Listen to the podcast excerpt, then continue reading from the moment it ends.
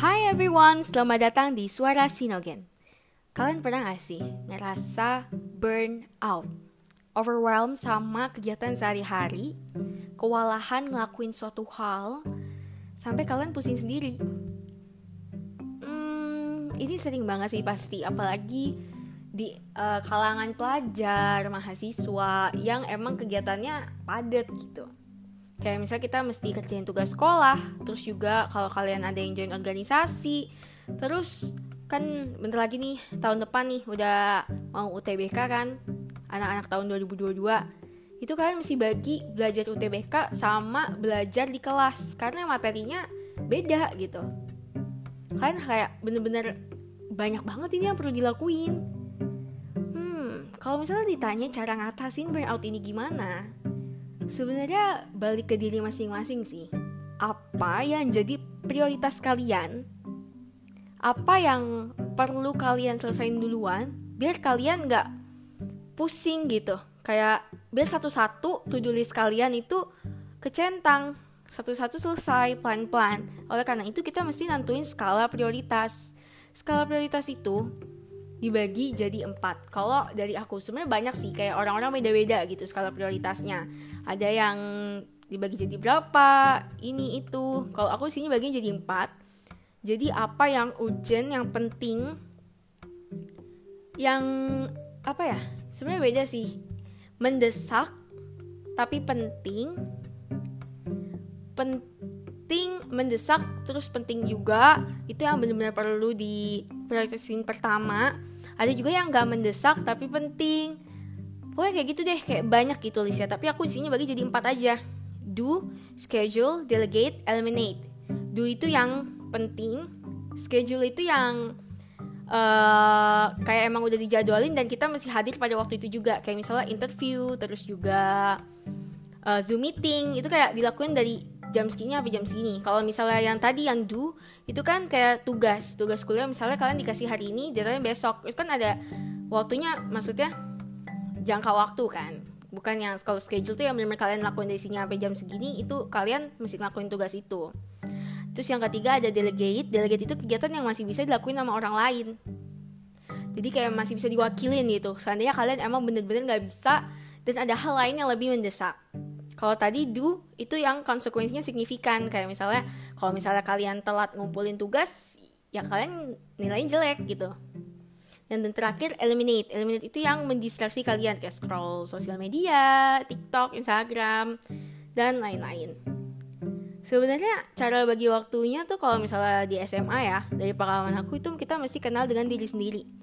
Kita mengenal kemampuan kita. Jadi kita ketika kita dieksekusi hal-hal yang kita suka, hal-hal yang mungkin kita kurang tertarik, hal yang emang udah kita coba nggak tahu ya kita masih nggak bisa gitu ngejalaninnya.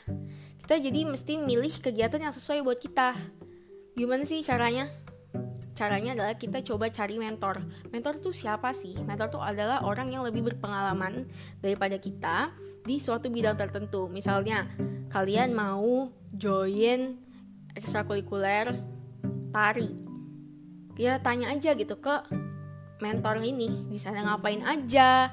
Uh, sistem kerjanya gimana? Sistem ekskulnya gimana? Atau osis misalnya mau masuk osis. Jadi osis tuh gimana? Tugasnya ngapain aja? Suka dukanya apa? Kayak kita cari-cari informasi research selektif gitu.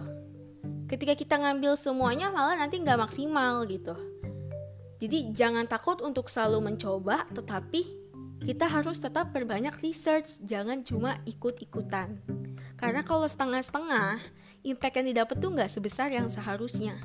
Ngambil satu wadah yang maksimal itu lebih baik. Jadi harus balance antara mencoba dan mengerem.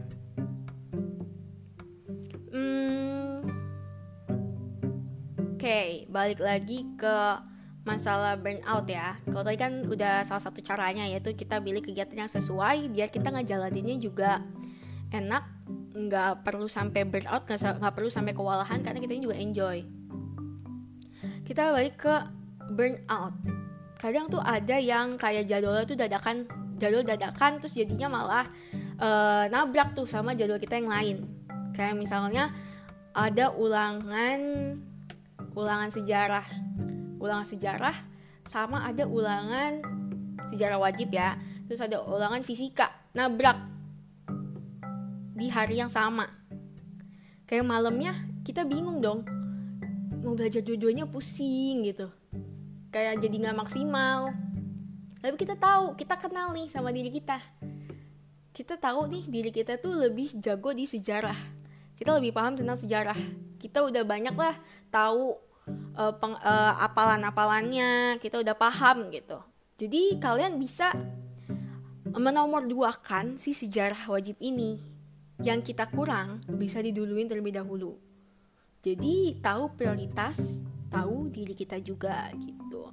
Kalau dari pengalaman aku, aku tuh selalu pakai cara ngaturnya itu selalu ditulis di buku kayak apa aja yang to-do list to-do listnya gitu. Tapi kan sekarang banyak tuh aplikasi-aplikasi yang buat ngatur-ngatur kegiatan kita. Contohnya kalau dari HP-nya sendiri kayak misalnya ada reminder, ada notes, atau kalau mau yang download-download gitu ada Notion yang lagi ramai banget tapi aku masih sampai sekarang nggak ngerti sih cara pakai Notion gimana atau yang paling dasar lah Google Calendar itu bagus sih kayak bisa di uh, ingetin lah kayak 30 menit sebelum kegiatan tersebut nah, misalnya 30 menit sebelum Zoom kelas kimia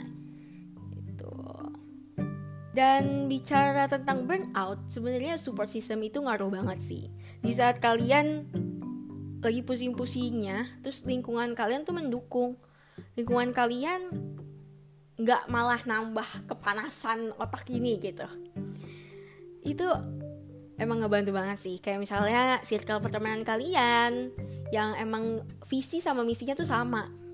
Makanya penting untuk nemuin temen yang sefrekuensi bukan yang milih-milih temen tapi cari yang cocok buat kalian biar bisa gitu saling ngebantu sama satu sama lain. Kalau misalnya ada yang butuh sesuatu yang mendukung gitu. Jadi mutualisme lah. Nah gimana sih cara tetap bertahan ketika kita lagi burn out?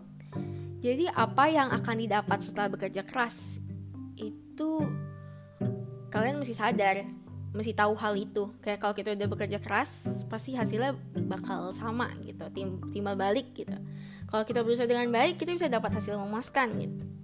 Sukses berasal dari sukses kecil. Jadi pelan-pelan aja ngelakuin suatu hal nanti lama-lama jadi besar. Gak perlu seabrek-abrek kalian maksain diri kalian gitu. Gak perlu seabrek-abrek ngelihat orang ini udah mencapai hal ini udah mencapai hal ini dan kita belum. Kita mau fear of missing out. Jadi kita benar-benar nggak mau ketinggalan sesuatu kita ngelakuin ini ini itu ini itu. Malah jadi pusing sendiri nggak efektif juga jadi jatuhnya. Kalau kita secara internal itu nggak punya hati untuk untuk ke bidang itu. Kita cuma maksain diri kita untuk ngikut-ngikutin orang doang. Itu jadi berbahaya juga. Jadi secara internalnya kita mesti ada kemauan keinginan dan harus bertekad juga dalam ngelakuin suatu hal. Biar kalau nanti burn out motivasinya munculnya itu lebih gampang lebih gampang lagi kalian semangat untuk bangkit lagi Gitu guys, terima kasih. Semangat semua. Bye.